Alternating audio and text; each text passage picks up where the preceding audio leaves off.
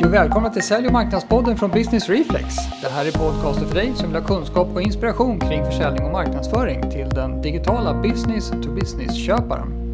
Idag har jag en härlig intervjupodd att bjuda på. Jag har intervjuat Sara Larsen som är grym på sälj och säljstyrning.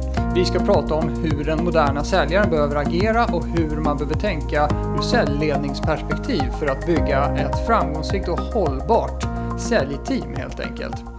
Det kommer bli ett härligt samtal och eh, inte mycket mer om det utan över till intervjun med Sara Larsen. Sara, hej och välkommen till Sälj och marknadspodden. Tack så jättemycket. Vad roligt, att du, kunde vara ja, vad roligt att du kunde komma hit. Nu är det lite morgon, vi har tagit en fika Yes. och pratat lite grann inför. Så att det känns ju det känns bra så att vi är på gång. Men ska vi göra så här att vi låter dig presentera dig själv lite grann för lyssnarna till att börja med? Det kan vi absolut göra. Eh, Så Sara heter jag eh, och är en 34, snart 35-årig gammal. Det är väldigt mycket ångest i åldern där. Ja. Snart närmare 40. Eh, Och jag har en bakgrund inom business to business sälj. Jag har jobbat i nästan 15 Ja, det är 15 år nu. Herregud vad tiden går. eh, man inser hur gammal man är. Eh, jag har en 10-årig dotter eh, som jag har varannan vecka. Jag bor i Stockholm och jobbar på ett företag just nu som heter Vainu som erbjuder en prospekteringsplattform eh, och har en grym passion för sälj och marknadsföring och tycker det, det ämnet är så extremt spännande och har Ja. jobbat i det fältet ganska länge nu. Så det, det har varit spännande att få följa med i förändringsprocessen som har skett de senaste ja, säkert 7-8 åren. Ja, Eh, mycket har ju hänt verkligen. Väldigt mycket. Ja, vad roligt då. Och resan, vad, vad pluggade du så här? Hur kom det sig att du hamnade in på det här med sälj? För det finns ju liksom ingen, man kan bli jurist, ja då pluggar jag juridik, ska jag bli jurist. Men sälj är inte så här, där vet man inte riktigt var folk kommer ifrån. Ja, Det känns ofta som att man typ landar in i det av misstag. Ja. Och sen så fastnar man eller så slutar man och så hittar man något helt annat jobb. Eh, nej men jag har ingen utbildning i, i paketet alls faktiskt. Jag pluggade, jag påbörjade en tvåårig utbildning på Kalmar högskola. Men hoppade av efter ett år. Eh, det var en utbildning inom programmering och Ja. utveckling. Ja. Det var inte riktigt min grej. Jag såg framför mig men jag skulle hamna där i en källare med en Jolt-Cola och en datorskärm och ingen mänsklig kontakt överhuvudtaget. Så är det såklart inte nu. Och jag kanske lite ångrar att jag inte fokuserar lite mer på programmering för det känns som att det hade varit en ganska bra skill att ha. Men, men eh, och bestämde mig hipp som happ för att jag behövde ändra mitt liv sådär i, i ung ålder. Eh, så jag flyttade upp till Stockholm på vinst och förlust. Jag Flyttade in hos min syster som gav mig en sängplats i två veckor. Hon var ganska hård så hon sa att du har två veckor på dig, sen kastar jag ut dig. Och i Stockholmsklimatet med lägenheter och boenden och jobb, jag bara herregud, hur ska jag klara det här? Två veckor ja. Ja, det var ganska kort tid. Ja. Eh, Så då frågade jag henne, för hon var försäljningschef vid det tillfället, hade jobbat med försäljning väldigt, väldigt länge. Eh, vad ska jag göra för att tjäna mycket pengar? För det var viktigt då. Nu är vi 2004, Mm. Ja. så det var ett tag sedan. Ja, Ehm, och hon, ja men då ska du eh, sälja. Så gå in på Sats, för de har bra utbildning för säljare på den tiden. ja. Och be om jobb där. Jag bara okej, så jag trampade in på Sats dagen efter och fick träffa deras ehm, chefen på eh, Hötorget eh, centret okej. eh, och sa så här, hej tjena, jag, jag tänkte tjäna massa pengar till er så jag tänkte att ni skulle anställa mig. Jag sa bokstavligt talat så. Som en mupp liksom. Eh, och han bara, jaha du, ja det ska du. Vad roligt. Eh, Mikael Clements hette han. Han bara, men jättebra, du kan komma in imorgon så får du en plats och så får du två veckor på dig att bevisa att det funkar. Jag bara, åh herregud igen då, hur ska jag klara det här? eh, hoppade in, började jobba med försäljning där, fick fantastiska möjligheter med bra chefer. Vilket gjorde en jättestor skillnad Mm. för mig. Väldigt, väldigt bra skola, extremt högt tempo, väldigt målinriktat, väldigt mycket tävlingar. Och upplevde generellt rakt av att det här gillar jag. Så det var ju liksom en slump. Jag hade kunnat hamna någon helt annanstans. Ehm, och efter det så släppte jag inte det yrket utan kände att det här, det här är ett yrke där jag kan utvecklas alltid. Det kommer aldrig ta slut. Jag kommer Nej. alltid kunna bli bättre på det här. Eh, och det kommer alltid finnas möjligheter att bli starkare, mer spetsig, eh, bättre på att eh, hjälpa kunder. Och det är ett en fåtal yrke tror jag som har den möjligheten att aldrig platå. Någonsin. Nej. Om man inte vill. Och det innebär inte heller att man måste liksom gå in i en säljchefsroll eller klättra på de här traditionella trapporna. Utan det handlar snarare om att man själv ska ta ansvar för att, att fortsätta utveckla sig själv och hela tiden vara out of comfort zone. Och det passade min person. så vad så gick det till. Ja. Vad härligt. Ja, men du verkar ju ha hamnat på rätt ställe i alla fall, eller hur? ja, jag hoppas det. Ja. Vad bra, vad roligt. Du, vi ska ju prata om modern försäljning idag. Mm. Och eh, då kan man fråga, vad är det? Hur, hur ska en bra säljare vara? Kan man börja i den änden eller avslöjar vi allting då? Så det... Jo, men det kan man väl börja med. Och det där är ju en jätteintressant fråga kan jag uppleva. Därför att en modern säljare i min värld just nu borde vara en bra säljare som bara fungerar i våra kanaler som vi har tillgängliga där kunden är. Så att modern vet jag inte om man ska kalla det egentligen, utan det är ju hur är en bra säljare Ja. 2018? Ja. Eh, hur ska den personen fungera? Och jag tror ju till viss del att eh, säljarrollen styrs lite av vad man säljer för någonting. Har man en säljprocess där man säljer två, tre affärer om året så ser det annorlunda ut. Oftast är det mycket mer komplex införsäljning, det är mycket fler beslutsfattare. Medan om man säljer en plattform som jag just nu sitter i ett bolag som gör, som är en ganska snabba affärer, fyra till sex veckors liksom, säljprocess. Då kan man vara annorlunda eh, och man behöver inte vara lika konsultativ. Men konsultativa delen måste finnas med. Mm. Ehm, och sen så förstår jag att det du är ute efter kanske mer är hur ska man använda sociala kanaler och LinkedIn och den Ja, det, ytan. men, men jag menar, i- vi pratar ju hela säljprocessen här. Ja. Det handlar om i, i kundmötet och, och eh, också i det digitala kundmötet, men även face to face och allting. Mm. Ge, För det är oss, ge egentligen- oss the secret sauce här. Ja men det är egentligen samma sak i min värld och det här, jag har ju kört mycket utbildningar med säljare just kring det här med hur man är i digitala kanaler för att skapa förtroende hos en kund. Mm. Hur gör man när man inte kan sitta i ett möte och bygga förtroende Mm. där? Eh, och det är ju en jättesvår fråga för många, för många tror någonstans att man ska vara någon helt annan person i sociala kanaler än vad man faktiskt är i mötet. Medan Mm. egentligen i min värld så är det precis tvärtom. Man ska vara exakt sig själv, precis som man är. Så är man en riktigt duktig säljare, då kan man bli väldigt duktig på att använda sociala kanaler. Om man är en dålig säljare, då blir man dålig i sociala kanaler. För Ja. att man är dålig som, som i sin roll. Ja. Eh, så jag, jag vill fokusera mycket mer på hur man blir en duktig säljare i, i sig själv i sin process snarare än hur man blir duktig i LinkedIn. Just För då kan man bli duktig i LinkedIn när man väl har satt alla de där andra sakerna på plats. Så en sak som jag ser som en, som en trend som jag kan se utvecklas mer och mer det är ju specialistsäljarrollen. Okej. Att man faktiskt har en mer nischad eh, intressemodell kring vad ska jag, vilka företag ska jag sälja till. Att man faktiskt bryr sig om branscherna man fokuserar på. Mm. Att man är insatt i hur de fungerar. Att man har djupare kunskap nästan än kunden har om den specifika nischen där de befinner sig. Men bara, alltså när du säger specialistsäljare, Mm. att då måste jag säga att jag tror att de flesta, nu kanske jag trackar ner på folk men jag tänker de flesta, jaha, men då ska jag bli specialist på min produkt till exempel. Och det är inte det jag menar. Nej, eller hur? absolut Otroligt inte. viktig distinktion. Väldigt, väldigt viktig Ja. distinktion. För att det jag menar är att om jag, jag, jag kan ta ett exempel, jag satt på en telekomoperatör eh, och skulle utbilda deras säljteam. Eh, och telekomoperatörer som är stora, de har ju mycket processer som står i vägen. De har mycket människor som har flyttat runt mellan avdelningar, som har varit väldigt länge på bolaget, som är väldigt ingrottade i sin produkt och sin tjänst och liksom i det de jobbar med. Eh, och så frågar jag en väldigt enkel fråga. Ni jobbar mot retail. Vilka här inne älskar retailbranschen? Ja. Och en av sex personer räcker upp handen. Och i min värld så undrar jag då, om man ska bli passionerad om sitt jobb, Ja. Varför jobbar man med en bransch som man inte brinner för? För det som händer när man brinner för en bransch, det är att man sitter uppe på nätterna och läser artiklar om branschen, inte om ens produkt i branschen, utan vad, vad som händer i branschen. Vad som kommer hända rent trendmässigt, vilka förändringar de beslutsfattarna står inför. Och blir mycket mer spetsig i sin samtal med kunden sen. Och det tror jag är en av mina styrkor och har varit hela vägen, att jag fokuserar där jag känner själv att jag blir exalterad av det de gör på kundsidan. För då läser jag på mycket mer. För då grottar jag ner mig i att det här är liksom, det här är deras situation. Så jag kommer in i mötet helt annorlunda förberedd än en säljare som bara är generalist. Som springer på alla branscher och bara försöker sälja till alla. Just det. Och det tycker inte jag är en bra vä- väg framåt. Ehm, sen finns det ju andra aspekter av hur man blir en bra säljare och det hänger ihop med, med ledning. Alltså hur ledningen, hur försäljningschefen driver sitt team. Aha. För det finns ju väldigt många förutsättningar som behöver finnas på plats för att man ska kunna fördjupa sig och bli en specialistsäljare, lägga den tiden. Tillåtelse att göra det på något sätt. Tillåtelse och utbildningstillfällen.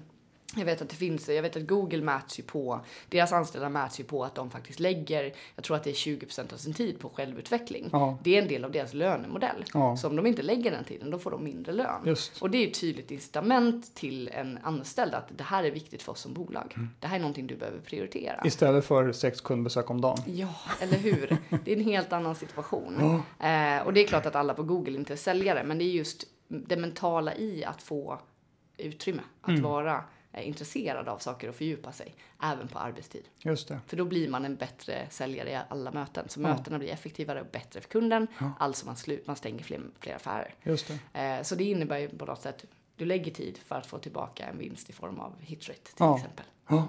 Och, och om man då säger så här, bra, vad, men vad skulle du säga, finns det, någon, finns det någon generellt svar på frågan vad saknar då de här dåliga säljarna? Det är ju inversen av det vi har pratat om nu, eller är, är, vad, hur ska man liksom... Det där är en jätte, igen, vi kommer tillbaka till det. Elak fråga. fråga. Nej men det är, det är inte konstigt. De flesta som är sämre på sälj eh, saknar passion för sitt jobb. Mm. Så de är på fel plats. Mm. För när man hittar de här guldkornen som verkligen tycker att det här är väldigt intressant och har fått möjlighet att ha bra chefer som Ja. hjälper dem att hitta det där som gör att de brinner för det de gör. Mm. Eh, då, då behöver de väldigt lite eh, drivkraft utifrån. De kör själva Ja. och letar själva och läser själva och kunskapsutvecklar sig själva. Mm. Medan människor som, och det här gäller ju inte bara säljare, det här gäller ju alla roller. Om man måste ställa sig frågan, vad gör jag här? Då kanske man ska byta jobb. Mm. I mer eller mindre. Mycket Sen på rätt ju- person på rätt plats som är grejen. och att man får utrymme som sagt att vara sig själv samtidigt Mm. som det finns bra förutsättningar från ledning. Sen kan man ju addera andra saker som att en bra säljare behöver såklart lyssna på kunden Mm. och faktiskt lyssna för att försöka grotta ner sig. Inte lyssna för att komma med nästa fråga som Nej. står på pappret. Utan det handlar om ett genuint intresse. Och även att våga gå ifrån ramen. Jag kan ta ett exempel där igen. Eh, när jag sitter i ett kundmöte och så inser jag att kunden och jag kommer att sitta här i en timme och bara prata. Därför att det finns, att, att det man produkt eller visar någonting i det här läget, är inte, det kommer inte hjälpa. Utan vi måste förstå vad vi ska göra först innan vi går in och tittar på systemplattformar för att leverera det här. Då kommer inte jag att dema, även om jag vet att i våra möten ska vi dema. Då kommer jag låta bli det, för det kan vi ta i nästa skede. Om Ja. det finns ett nästa skede. För det viktigaste just nu det är att förstå. Så jag har ju en sån här eh, attityd kring att när kunden säger någonting jag inte förstår så kommer jag fråga. Även om det ibland känns dumt, som att jag är dum när jag frågar men hur menar du? För det borde jag känna till, det borde jag veta. Så frågar jag ändå. För det Då blottar man sig genom att fråga, men det kanske är lika bra att göra det då. Jo men man blottar sig, men då får man ofta svar också. Mm. Alltså för då blottar sig kunden tillbaka. Ja. Så här, jag kanske är dum, men jag förstod inte vad du menade.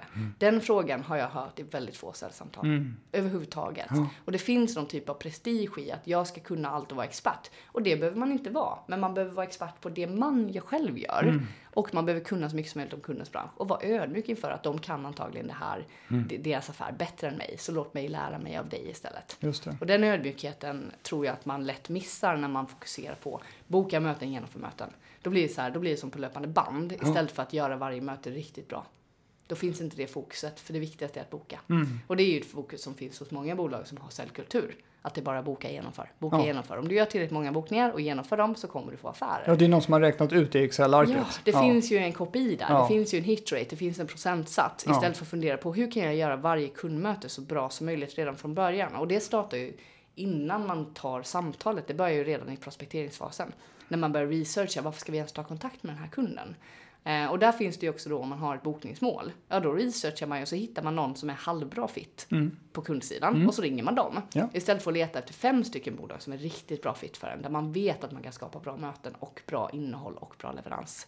Eh, så fokuserar man då på de där tio bokningarna om dagen istället för att fokusera på fem kvalitativa. Mm. Och det är ju en, en, jag vet inte om du känner igen det själv, men det är ju en problemställning. Ja. För det blir ju då slöseri med kundens tid, slöseri med vår tid och hitraten går ner. Punkt. Ja, ja, ja, absolut. Mm. Och det, det är extremt svårt att få upp affärsvolym på det sättet också, för folks tid har ju så att säga per definition tagit slut. Ja. Och man har ingen tid för att förbättra sig i något avseende, utan det ska bara snurras på i ekorrhjulet och då blir det ju Och det man kan se då på de organisationerna, alltså alla försäljningschefer som lyssnar, eller vd som sitter med säljteam. Mm. När säljteamet har problem med arbetslivsbalans, Mm. Då är det oftast ett tecken på att de har för höga mål respektive, alltså kvantitet versus kvalitet. Mm. Och det är därför de sitter på kvällarna och prospekterar hela kvällarna, för att de ska ha tid att ringa kunder så att de hinner boka sina tio, snarare än att fokusera på att boka fem riktigt bra. Så där kan man liksom börja gräva i vad är det som är problemet, vad orsakar den här arbetslivsbalansen? För idén om att ja, men alla säljare bara jobbar häcken av sig, ja men det ska man inte behöva göra. Jag har ju liksom som sagt varannan vecka barn. Jag har eh, mitt tidigare arbete på en byrå. Där jobbade jag eh, varannan vecka extremt mycket. Och sen varannan vecka ganska lite för att jag hade min dotter då. Eh, och för min del så var det så att när jag fick barn då blev det plötsligt en mycket mer prioriterad sak att optimera min tid. Så då började jag göra ungefär samma jobb på mina sju timmar istället för mina tolv timmar. Så det handlar ju om att hitta det där fokuset som gör att det blir lättare att liksom komma i mål med det man behöver genomföra Men, varje men dag. om, vi var inne lite grann på det här med chefskap och så. Så säljchefen då, det, det, är, ju- det är ofta, man kan ju tycka som chef, Ja. att bara de skärpte sig så skulle det bli bättre. Ja, Men hur ska man tänka som, som säljchef eller som vd, som agerande säljchef, kring, eh, kring att stöd, stötta sina säljare så de klarar av jobbet i den här, ja, får man säga, nya miljön då Ja. eller? Ja, men det är ju en ny miljö för det ställer mycket högre krav på eh, en närvaro i samtal och i digitala kanaler. Så det är klart att det ser annorlunda ut. Det första som man behöver göra det är ju att titta på vad man har i sin process som inte riktigt funkar. För säljarna kommer ju följa, så tar du in en juniorsäljare så kommer den säljaren att följa din process som du Ja. säger. Så säger du, du tar först ett kallt samtal, du bokar ett möte, du genomför mötet, du ska dema varje möte och sen efter det så ska du stänga affären. Eh, säger man så så kommer juniorsäljare att göra det. Men om man istället säger okej, vi kommer att göra så att under de första tio mötena du ska genomföra så kommer jag att sitta med. Jag kommer att gå igenom med dig case by case hur du bör bete dig i olika situationer för alla kunder är inte likadana. Vi gillar mallar inom sälj, vi har mycket skript som man ska följa när man ringer och vi har eh, mötesagendor som ser exakt likadana ut. Men kundernas situation ser ju helt olika ut så man måste vara agil i det. Och det är svårt att vara det när man är junior för då har man inte tryggheten i sig själv att våga gå utanför ramen. Så då måste man ge dem möjlighet att göra det med stöd av då sin chef. Ja. Eh, och då kan man lätt identifiera ett antal olika utmaningar som dyker upp under de där tio mötena. Och sen får man ta de utmaningarna och implement- implementera dem i resten av säljorganisationen. Och att ge säljare mycket mer individuell coachning. Det är oftast det som saknas. Att sitta med i möten. När jag började på Vagnen nu de första tre veckorna, för jag är ju väldigt ung i bolaget. Även om jag är gammal i gamet som jag kom fram till innan. Ehm, och det första jag gjorde var att sätta mig och ghosta möten. Alltså sitta med och vara tyst och bara lyssna. Eh, och hittade säkerligen 80 punkter med förbättringsmöjligheter. Mm. Lågt hängande frukter till exempel. Vi satte ingen agenda i mötet. Eller. Mm. eller vi pratade inte, frågade inte efter kundens förväntningar på mötet. Eller vi fick ont om tid för att vi bokade för korta möten. Jag hade, vi, har, vi har oftast halvtimmes möten när de är online. Eh, och vi, eh, av alla möten jag gick på så var det ingen som höll den tiden. Vilket gjorde att nästa steg, diskussionen som sker i slutet av mötet, blev ju bristande. Mm. För det blev ont om tid. Typiskt en sån sak där alla tror jag förstår det på, i det här säljteamet. Men ändå så är det ingen som ändrar från 30 minuter till 45 minuter. Så det handlar om att någon utifrån kan komma in och se det på ett annat sätt och den sen implementera. För är man i det, så här gör vi ju. Det är ju problemet. Så förutsättningen man måste ge det är att våga vara lite, okej vi gör så här nu. Kan det bli bättre? Ja, det är klart det kan. Vad kan vi göra för små saker för att ändra det som redan nu eh, finns ändringspotential i? Och nu är jag ju väldigt okonkret, men det har ju väldigt mycket med att göra med hur chefen är. Ja, för jag tänker också, det, det är mycket om, eh, alltså, det finns ju väldigt mycket att jobba på och en känslig process är det här med klimatet på företaget. Du vet, man ska vara så här lite pushig och det ska, det, det, finns, det är lätt att det blir en felaktig kultur Ja. där folk blir lite rädda. Ja. Och då vågar man ju inte fråga, Nej. utan då knyter man även fickan och så försöker man köra på Ja. och möta de där KPI som någon har tryckt ner i halsen Ja. på en. Och, och det blir liksom det här, så, så det är ju, Det blir ju en negativ känsla. ja exakt. Ehm, Som och- att man är övervakad och kan göra, i princip kan man bara göra fel. Ja, väldigt mycket så. Och det var ju en av anledningarna till att jag gick in och började jobba, alltså sökte hos Wagner, för jag sökte ju konkret till dem. För att jag ville jobba där för att jag hade vänner som jobbade i deras säljteam. Så jag visste att kulturen var bra. Jag visste att Emil som sitter som landchef i Sverige som ett exempel är en väldigt mjuk, lyssnande, empatisk ledare.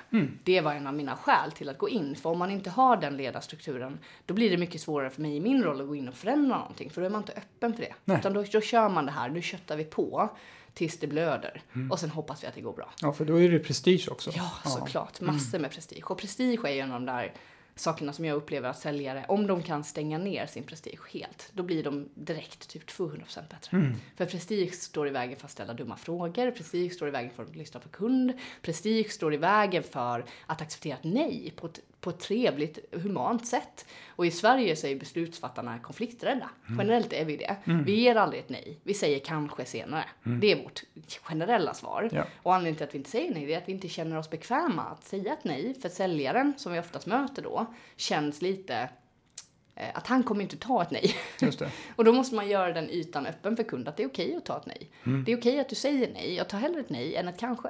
För det är bättre för mig, för då vet jag att vi inte behöver lägga mer tid just nu och jag slösar inte din tid. Nej. Och visar man det väldigt tydligt som säljare, då, då vinner man mycket i förtroende. Men, men alltså det, är ju, det låter ju jättebra här. Mm. Såklart. Eh, men det handlar ju, det som jag eh, hör, lyssnar, jag försöker lyssna på dig och, och så tänker jag så här, det handlar mycket om ganska djupt personliga saker. Ja, absolut. Så hur, eh, om man, hur gör man med folks personlighet? Jag menar, ska man börja sparka ut folk för att de är prestigefulla eller inte som Nej men det är, det är alltså, jag, jag skulle säga att det börjar i rekryteringsprocessen. Mm. När, jag, när jag rekryterades i tidigare roller, jag, det här låter ju jättekonstigt nu, men jag letar efter folk med trauman i sin historik. Mhm. Eh, därför att om man har upplevt någonting tufft, även om man är junior, om man har gått igenom, föräldrar går igenom en skilsmässa väldigt sent, när man är 17-18, när man är i en väldigt känslig period, eller, eller någon i familjen har dött som man har stått väldigt nära, eller man har själv gått igenom någon typ av hemsk situation. Man behöver inte detaljera vad det är, men om man har tagit sig ur det, så har man en annan självinsikt. Mm. Och då kan man ta emot kritik på ett annat sätt och man vill drivas framåt på ett annat sätt. Om man har tagit sig igenom det Mm. med en positiv attityd och bara livet är ganska bra. Och man är tacksam för att man har kommit Ja. igenom det. Och ser det som en erfarenhet som har berikat ens liv snarare än att det har förstört ens Ja, liv. När man, när man hittar de människorna, då blir prestige eh, oexisterande. Mm. För de har helt andra ambitioner med sitt liv och de har en helt annan närhet till sin egen person och sin liksom, utveckling. Sen är det klart att man kan fylla ett rum med massa säljare som har blivit traumatiserade. För det är inte rimligt, man behöver alla typer. Men en annan sak som man kan göra i sitt säljteam när man redan har ett befintligt team, det är ju bara att prata om de här sakerna. Personlig utveckling. Att börja prata i sina one-on-ones med sina säljare kring, men du, vad är, vad är det för personliga egenskaper som du skulle vilja utveckla? Vad är, åt vilket håll är du på väg rent personligt? Vill du utveckla dig själv till att bli en mer inkännande människa? Vill du utveckla dig själv till att bli en mer eh, lösningsorienterad människa? Vad är det du vill liksom, driva i din personlighet? För när man väl börjar jobba med de bitarna då faller det ut i yrket man har, oavsett vilket yrke. Väldigt få säljchefer, jag har aldrig träffat någon, ställer sådana frågor till en säljare. Nej. Det finns inte på kartan, för säljare ska bara vara maskiner. Ja, för det tycker jag. Det, det, jag, har, jag, har, ehm, jag skrev på LinkedIn för bra länge sedan nu stoppa de plågsamma säljarförsöken. Ja. Och där det handlar om egentligen att det är lite sli, slit och släng eh, mentalitet på säljare. Väldigt mycket. Man tar in och sen så får, ja, jag brukar, jag har tittat på många säljare som blivit rekryterade och jag kan säga att de som har lyckats de hade lite tur och satte den första stora affären som de varit inblandade i på ett bananskal. Och de som inte sätter den, de är ute inom ett år. Ja. Och ett annat sätt att lyckas det är att man har tur att det var någon som slutade precis och har jobbat upp en pipeline som man bara kan ta över och Ja. så kan man göra några affärer tidigt. Annars är det kört. Och det känns som att det är en så...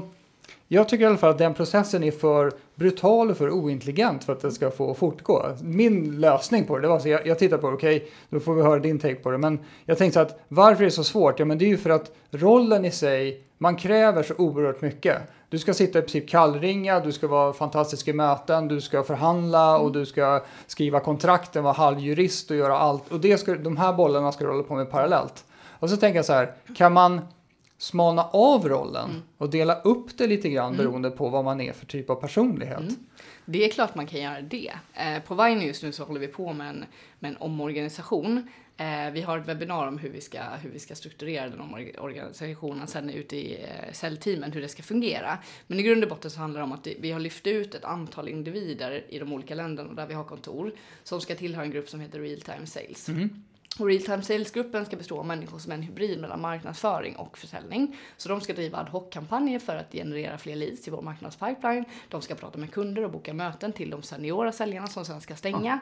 De ska vara starten av samtalet, både digitalt och i telefon, Ja. med varma leads. Så deras målsättning då det är att öka värdet på vår marketing pipeline, allting som genereras därifrån.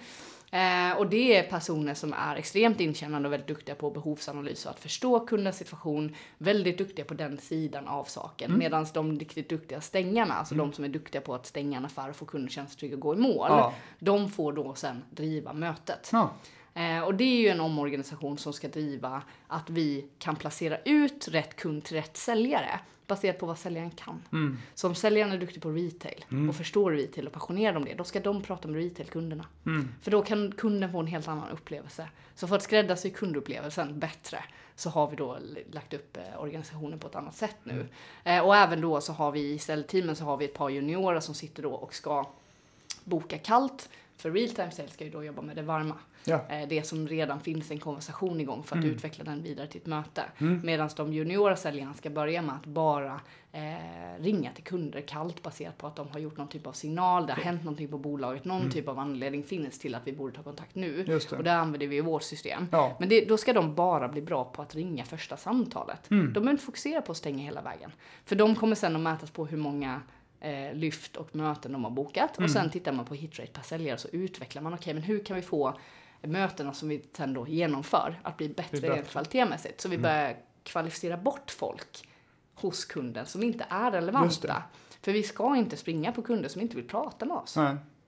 Så, är, så enkelt är det. Mm. Så den omorganisationen, den tror jag är en del av det du pratar om. Mm. Hur spetsar man till sin roll? Ja. Eh, och sen så tror jag ju också att real time sales-gänget, de har ju en, en profil som jag tror mer och mer kommer att glida in i sälj Mm. över tid. Den här hybriden mellan hur är vi kommunikativa i text och video och liknande material som sker online samtidigt som vi är kommunikativa i ett samtal med kund. Det måste finnas en mix där. Mm. Och väldigt, väldigt många säljare som jobbar traditionellt, de har inte ens börjat ta till sig idén om det här ännu.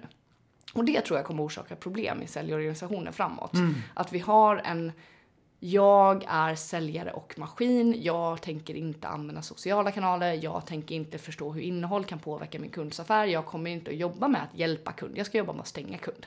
Och den attityden blir ett problem i längden. Ja. Därför att kunden blir mer och mer kräsen kring innehåll. De vill ha förtroende, de vill ha humana människor på andra sidan Ja. samtidigt som de vill få snabb information. Så det här är liksom en komplex, det är en komplex värld vi är på väg in i eh, för en säljarroll.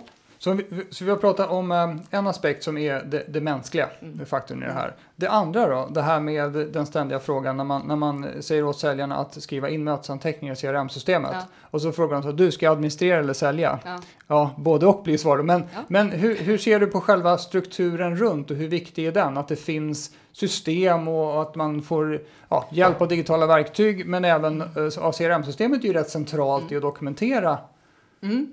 Alltså, jag skulle säga så här att nu är jag ju IT-nörd, för jag Mm. har jobbat med IT-lösningar så himla länge, så jag har ju ett eget intresse. Jag tycker det är kul.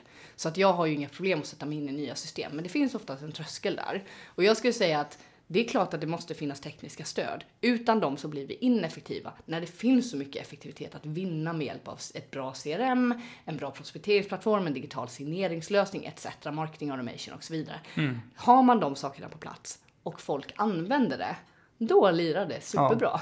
När folk inte använder det utan ser CRM som någon typ av administration, Ja. vilket CRM som inte är agila i sitt approach till sälj, det blir ju administration. Ja. Att bara notera ner anteckningar bara för att, ja, det förstår jag att det känns meningslöst. För det är ju slöseri med tid. Mm. Men har man en, en modern plattform för CRM som är mer intuitiv, där man till exempel loggar mejl automatiskt, där man kan ringa via CRM, man, man kan mejla via CRM och allting loggas av sig själv Mm. per automatik när du jobbar i miljön. Då blir det inte en administrativ syssla längre. Utan då blir det bara ett naturligt ställe att samla ditt arbetsflöde på.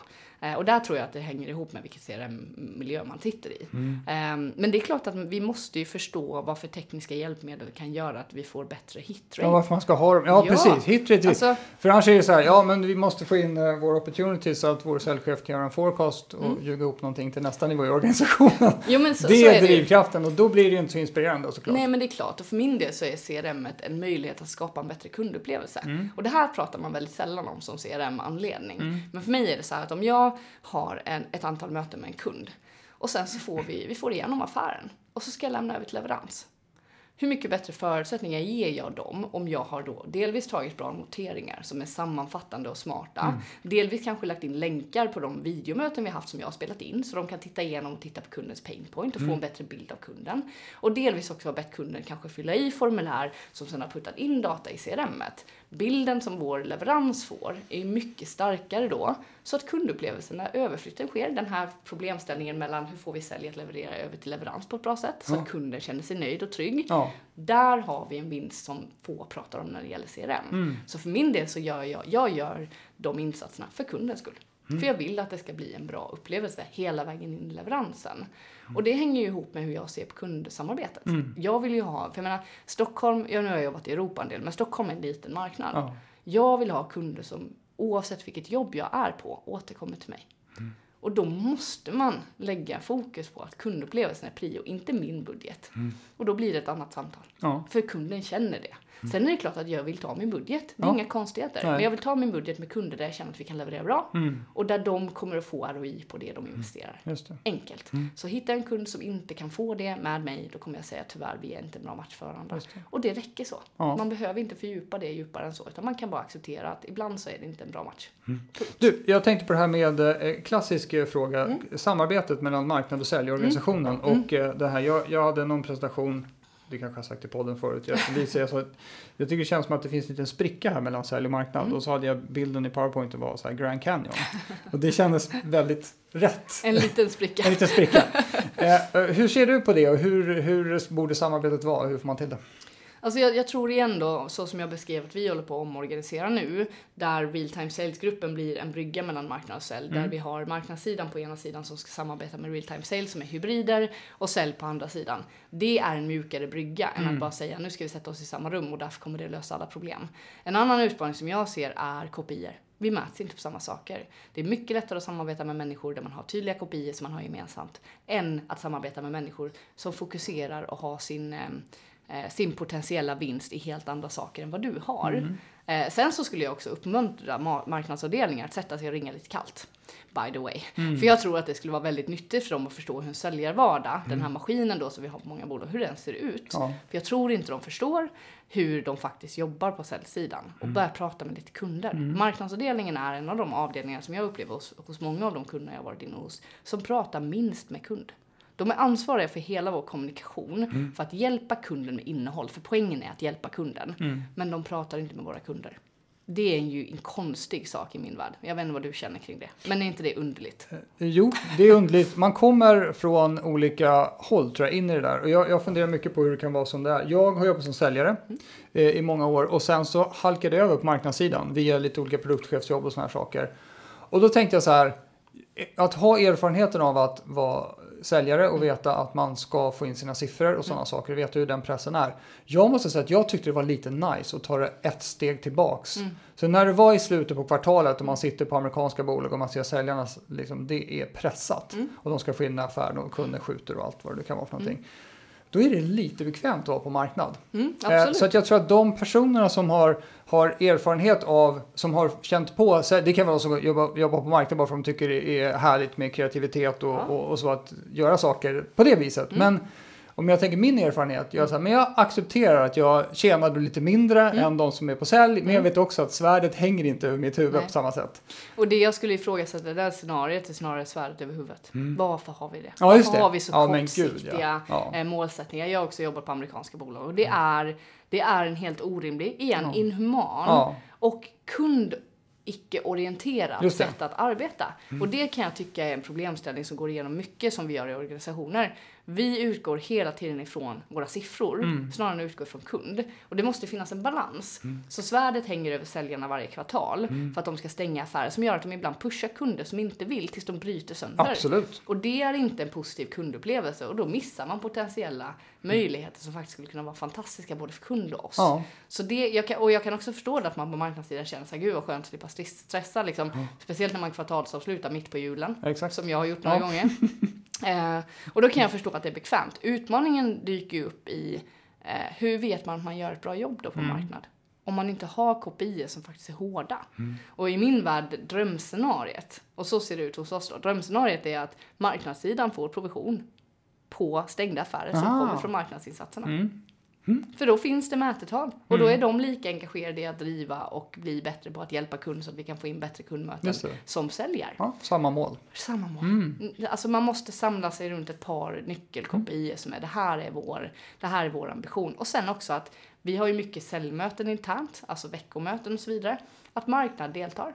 Att säljare ibland deltar på marknadsmötena Ja. och diskuterar runt, okej vi har behov här. Och tanken är då att real time sales ska kunna ta säljarnas behov av content och sen delvis skapa det själva för de har rätt bakgrund från Ja. säljsidan Ja. och delvis gå till marknaden och beställa. Mm. För de har en hybridroll så de förstår och kan prata med båda avdelningar på Mm. rätt språk. Mm. Eh, och jag tror att det kommer ta tid innan vi har ett gemensamt språk. Alltså när vi pratar om samma saker. För som sagt kreativitet och maskin, Mm. det är två helt olika Ja, saker. det är det verkligen. Så det är ju inte så konstigt att vi sitter långt ifrån varandra Nej. generellt. Nej. För vi har som sagt fluff och kreativitet. Och sen har vi maskin och köra, köra, köra. Ja, just det. De två kulturerna ja, som... Däremot om vi skulle ta lite av kreativiteten Mm. på marknadssidan och stoppa in i säljare så skulle säljarna bli så mycket bättre. Just det. Men det Och pratar man omvänt. inte om. Och omvänt, ja, jo men till viss del som sagt. Marknaden skulle behöva lite mer, inte svärdet över sig, men lite mer, lite mer press på att leverera faktiska resultat tycker jag. Jag tror det är bra. Vi, Mm. Vi försöker hitta på nya ord för saker och ting. Så processen för affärsgenerering, Ja. att man ser på den som en sammanhållen process. Ja. och du kan det och jag kan det här Mm. och nu ska vi bara se till att generera affärer här. Mm, och som du då mycket bra kundvärde Mm. ultimat då. Mm. Jo, men kan man se, man, det man ska se det som, det är ju egentligen hur får vi hela kundupplevelsen Mm. att fungera? Mm. För då förstår både marknaden vad vi menar och sälj förstår Mm. så här. Vi har en, en kund som kanske inte haft någon kontakt med oss. Vi tar ett första samtal där de kommer in på vår webb. Första touchpointen för kunden. Mm. Hur ser kunden på den touchpointen och hur kan vi förbättra den? Nästa steg är då möte. Hur ser kunden på den touchpointen? Hur kan vi förbättra den? Och så går man igenom hela processen och skapar en förståelse för alla delar. Det arbetet tar inte så lång tid att Nej. göra. Det gäller bara att vara med från ax till limpa i en upplevelse. Och det man också kan säga till kunden, för det, det, har, jag, det har jag gjort tester på när jag har sålt. Det är så här, nu är det intressant för nu ska vi köra, nu kommer det här bli en kundupplevelse för dig. Skulle jag kunna få, med, få ta med mig min marknadschef, det här var tidigare jobb då, kan jag få ta med mig min marknadschef så att han kan sitta med och lyssna? För vi vill verkligen förbättra hur det känns att komma in och börja prata med oss. Mm. Det är väldigt få kunder som säger nej till det. De blir så här, "Ja, jag får vara ett pilotcase för en bättre kundupplevelse, det känns ju skithäftigt. Ja. Eh, och det tror jag att man skulle kunna göra på typ två, tre kundupplevelser från ax till limpa. Mhm. För att ställa frågor till kunden efteråt. Hur upplevde du det? Vad fanns det för saker vi kunde förbättra? Hur var vår återkoppling? Hur var vårt material som du läste online? Vad finns det för förbättringsområden? Och låt kunden styra vad vi ska göra istället för att vi ska styra det baserat på teorier som vi inte har något belägg för. Mm. Mm. Just det. Ja, för det där, för det, det är väldigt, jag tycker det är härligt för det, det, det du pratar om det är ju mänskliga relationen, att man kvalitativt följer upp saker. För du vet, det andra änden av det här som du pratar så mycket om, det är att det ska vara datadrivet. Och vi ska, Ja, visst. så så att eh, jag förstår, man måste nog gifta ihop de här världarna på något sätt. Ja, men jag tror, att, jag tror att den digitala touchpointen kan absolut vara automatiserad till viss del. Där man har en chatbot till exempel som tar hand om de första frågorna kunden har. För att kunden vill ha snabb information. Så det handlar också om kundupplevelse. Mm. Då handlar det inte om att vi vill stänga ett möte. Det handlar om att kunden ska uppleva att de får snabb återkoppling. Jättebra. Därför att vi kan inte vara lika snabba på chatten om vi inte har en hel avdelning som sitter med det hela tiden. Utan det kommer behövas liksom stöd i form av AI-bottar etc. Och även datadrivet i form av att hitta rätt kundprofiler som vi faktiskt ska gå på. Mm. För det är någonting som många bolag inte gör alls, utan man köper en lista, eller man har en lista på massa företag som typ matchar profilen baserat på bara statsdata. Typ, ja men de omsätter så här mycket pengar, de har så här många anställda och de har det här systemet inhouse och vi kan ersätta det eller vi kan göra någonting Just. där. Det blir väldigt ehm, inhumant igen. Mm. Eh, så någonstans måste man fundera på vad är våra faktiska sweet spots där kunden får mest värde? Inte där vi får mest värde i affären, utan där kunden får mest värde av vår plattform Mm. eller vår lösning eller vår projektkonsult eller vad det nu är. Och sen använda den datan för att gå på rätt kunder för att slippa slösa tid hos kunder som är fel. För då slösar vi deras tid. Just Igen det. det här med kundupplevelse. Ja. Så jag tror att om man vänder på det och börjar tänka på hur kunden upplever, hur upplever en kund som man ringer till kallt? När man ringer och inte är relevant, hur upplever kunden det? Ja men de upplever antagligen inte det som något speciellt härligt samtal liksom. Så då får man en touchpoint som är dålig. Så hur kan vi göra den bättre? Ja men vi kan göra den bättre genom att använda data och analys av vår befintliga kundstock för att förstå vilka kunder borde vi gå till och Mm. prata med. Eh, och sen så har man den andra aspekten som är att vi ska vara humana och skapa förtroende. Därför att de här måste ju fungera tillsammans. Det är bara det att när vi lämnar över från det digitala till det humana, där måste det finnas en väldigt tydlig process internt. Att ja, men nu kommer det in en chatt här som ställer en fråga om ett möte. Hur ser vi till att den personen får återkoppling snabbt och att vi får ett möte med rätt säljare som gör ett bra möte? Det är liksom processen. Eh, och datadrivet i all ära, men jag har väldigt svårt att se att man stänger en affär som är det minsta komplex eller som handlar om förtroende genom att bara eh, köra digitalt. Jag har väldigt svårt för det. Jag som kund idag, och då är jag ändå en ganska modern Mm. köpare, hade inte köpt på det sättet utan att prata med någon. Om det är en lite mer komplex affär. Men däremot kan man ju titta på typ att köpa ett Trello-konto. Ja, det behöver jag inte bara... interaktion för. Just det. Utan där vill jag bara snabbt kunna köpa därför att Mm. det som är förtroendebyggande där, det är att det är så många som använder plattformen. ja. Så då behöver inte jag prata med någon för att känna mig trygg med att det här är en bra Precis. lösning. Är Och ju- de binder inte upp mig på långa avtal. Nej. Så det är ingen risk. Är ett låg risk, transaktionell affär. Fine att man kan göra det online. Mm. Men allting annat. Allting som har att göra med att nu ska vi få någonting att lira i vår organisation. Mm. Nu ska den här plattformen fungera, eller nu ska den här leveransen förändra någonting för oss markant. Mm. Då måste man ha människor och de måste vara duktiga och spetsiga och intresserade av kunden. Du, Det här är- vi- mm. Vet du vi, vi, det här är ju superhärligt samtal. Det roliga är med det här att vi har ju inte nämnt termen social selling Nej. någon gång. Och det känns, jag tycker det börjar kännas lite uttjatat. Ja. Så då kanske det är så att på den här hypekurvan, att nu börjar det sätta sig så folk i gemen kanske börjar prata om det. Va, nu har vi pratat om väldigt mycket den humana sidan Ja. och, och eh, bry sig om kunden och så Mm. vidare. Hur ska man då ta det här till digitala kanaler? För Mm. det kan man säga att det är väl ett bra tips att göra Absolut. Alltså någonstans en modern säljare som du frågade om innan. En modern säljare använder alla möjligheter till information som den kan hitta. LinkedIn och andra kanaler är bra informationskällor. Det är också bra ställe att föra dialog, vilket jag tror att många har lite missat. Att det är dialogen som är poängen på LinkedIn. Det är inte att dela artiklar för att marknadssidan säger åt dig att göra det. Det är inte att stå i ett hörn med en megafon och skrika om hur bra saker man har. Det är inte ett platt, en plats liksom att lägga upp en bild på jag vann bästa säljtävlingen den här månaden med en buckla. Det är inte det man ska göra där, utan det man ska göra det, det är att lyssna, lära sig och föra dialog. Mm. För när man gör det så får man inkommande förfrågningar Mm. på möten, för då bygger man förtroende. Sen finns det ju en hel, liksom, en hel radda med saker man måste göra för att få det att lira för en själv så att man kan bygga den typen av förtroende online. Men någonting som jag vill att alla tar med sig så här, som en enkel sak. Jag får ofta frågan, men har vi guidelines i företaget om hur man ska vara online och bla bla bla. Och då brukar jag ställa frågan, brukar någon typ av övervakare följa med dig ut på dina säljmöten från ditt företag? Och svaret är oftast nej. Varför skulle de göra det? Jättebra fråga. Varför skulle de göra det? Det skulle de bara göra om de inte litade på dig. Och antagligen så hade de inte anställt dig om de kände att de hade behov av att skicka ut en övervakare med dig på möten. Så det finns en väldigt enkel guideline här. Det du skulle säga i ett kundmöte kan du säga på LinkedIn. Det du inte skulle säga i ett kundmöte ska du inte säga på Nej. LinkedIn. Det är inte svårare än så. Det är samma värld. Ja, man måste gå tillbaka till vem är jag?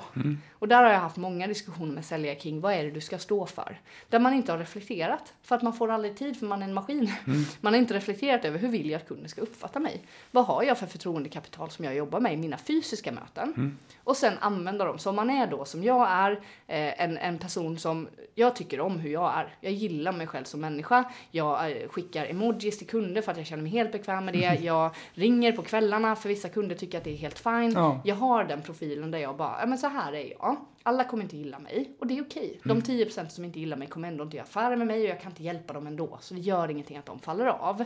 Jag har exakt samma beteende på LinkedIn. Så jag använder emojis. Jag pratar om personliga saker. Jag pratar om eh, arbete och allt som jag försöker göra är att hjälpa människor att få en bättre process, få en bättre vardag, få ett bättre jobb, bli bättre på något sätt. Och med den ambitionen så blir det mycket lättare för mig att vara online. Ja. För jag har inga rädslor kring att jag ska göra fel. För jag bara utgår ifrån mig själv. Mm. Som jag är.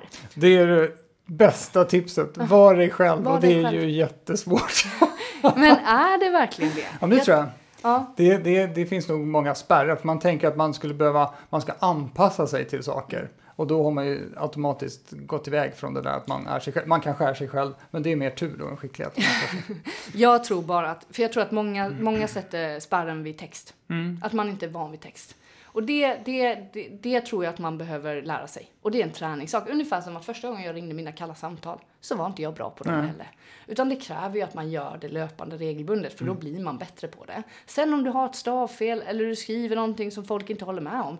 Ja, men vad gör det? Mm. Egentligen, vad gör det för någonting? LinkedIn är ett ögonblick i tiden, sen Mm. är din delning borta.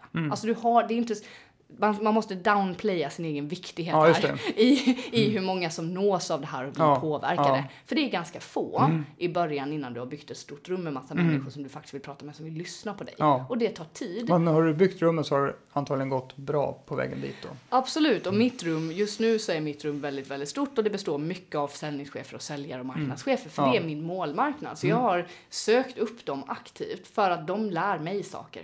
När de är i mitt nätverk och delar bra saker som jag kan läsa och förstå och bli bättre på. Och det innebär ju också att rummet är, där jag pratar är relevant. När jag pratar så är det relevant för de som är i rummet.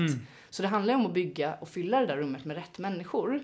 Men det är klart att under tiden som man bygger så är det det, det tar mycket längre tid innan folk börjar se. Alltså visningar på ett inlägg jag har nu Mm. och så jämför jag det när jag, för två och ett halvt år sedan när jag började på Då är det. Då hade Mm. jag 400 kontakter och använde LinkedIn som någon typ av stalking ground Ja. bara inför möten. Ja. Helt inaktiv. Mm. Det var bara att titta på beslutsfattare och se om vi hade gemensamma kontakter. Du vet det typiska Ja. som man gör Mm. för att vara preppad. Mm.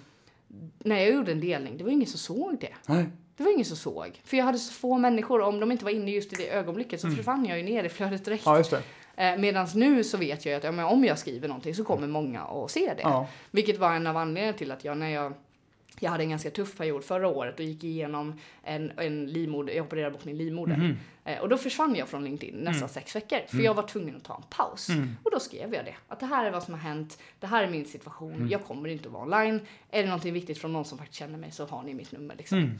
Mm. Eh, och fick extremt mycket respons för den humana delen Mm. av att det finns en människa bakom som inte bara är en maskin. Och jag tror att jag skulle i normala fall inte dela privatsaker på LinkedIn, men där handlade det mer om att ni måste förstå varför jag är borta. För jag bara försvann. Mm. Och jag fick så mycket mail under den perioden och jag bara kände att jag kan inte hantera ens min inkorg på LinkedIn. För Nej. jag orkade inte svara. Och då vill jag berätta varför. Mm. Så det är ju liksom igen det här med balansen kring att jag är en människa och hur får jag det att vara tydligt i min sociala profil? För humanitet bygger förtroende. Och det är intressant, jag tänker att eh, LinkedIn, om LinkedIn är Mm. en eh, representation av dig själv som person, Mm. då håller det konceptet Mm. även om du ena året säljer kylskåp och nästa år säljer För traktorer. det handlar inte om vad du säljer. det Nej, handlar för har du bara snackat om kylskåp Mm. och sen ska du börja snacka om traktorer helt Mm. plötsligt, då Mm. blir dina följare så här, eh, va? Vad händer nu? Ja. Ja, och jag tror också att när det blir den här, det här är min profil utifrån oavsett vad jag säljer. Mm. Sen är det klart att det underlättar ju om man rör sig i samma sfärer Ja. när man byter jobb. Mm. Men ofta så kanske man inte går från att sälja marknad och säljplattformar till att sälja kylskåp. Nej. Alltså det är kanske inte ofta det, det skiftet sker på det Nej, sättet. precis. Eh, men jag tror att det handlar inte om vad du säljer, det handlar om vad du vill lära ditt community. Mm.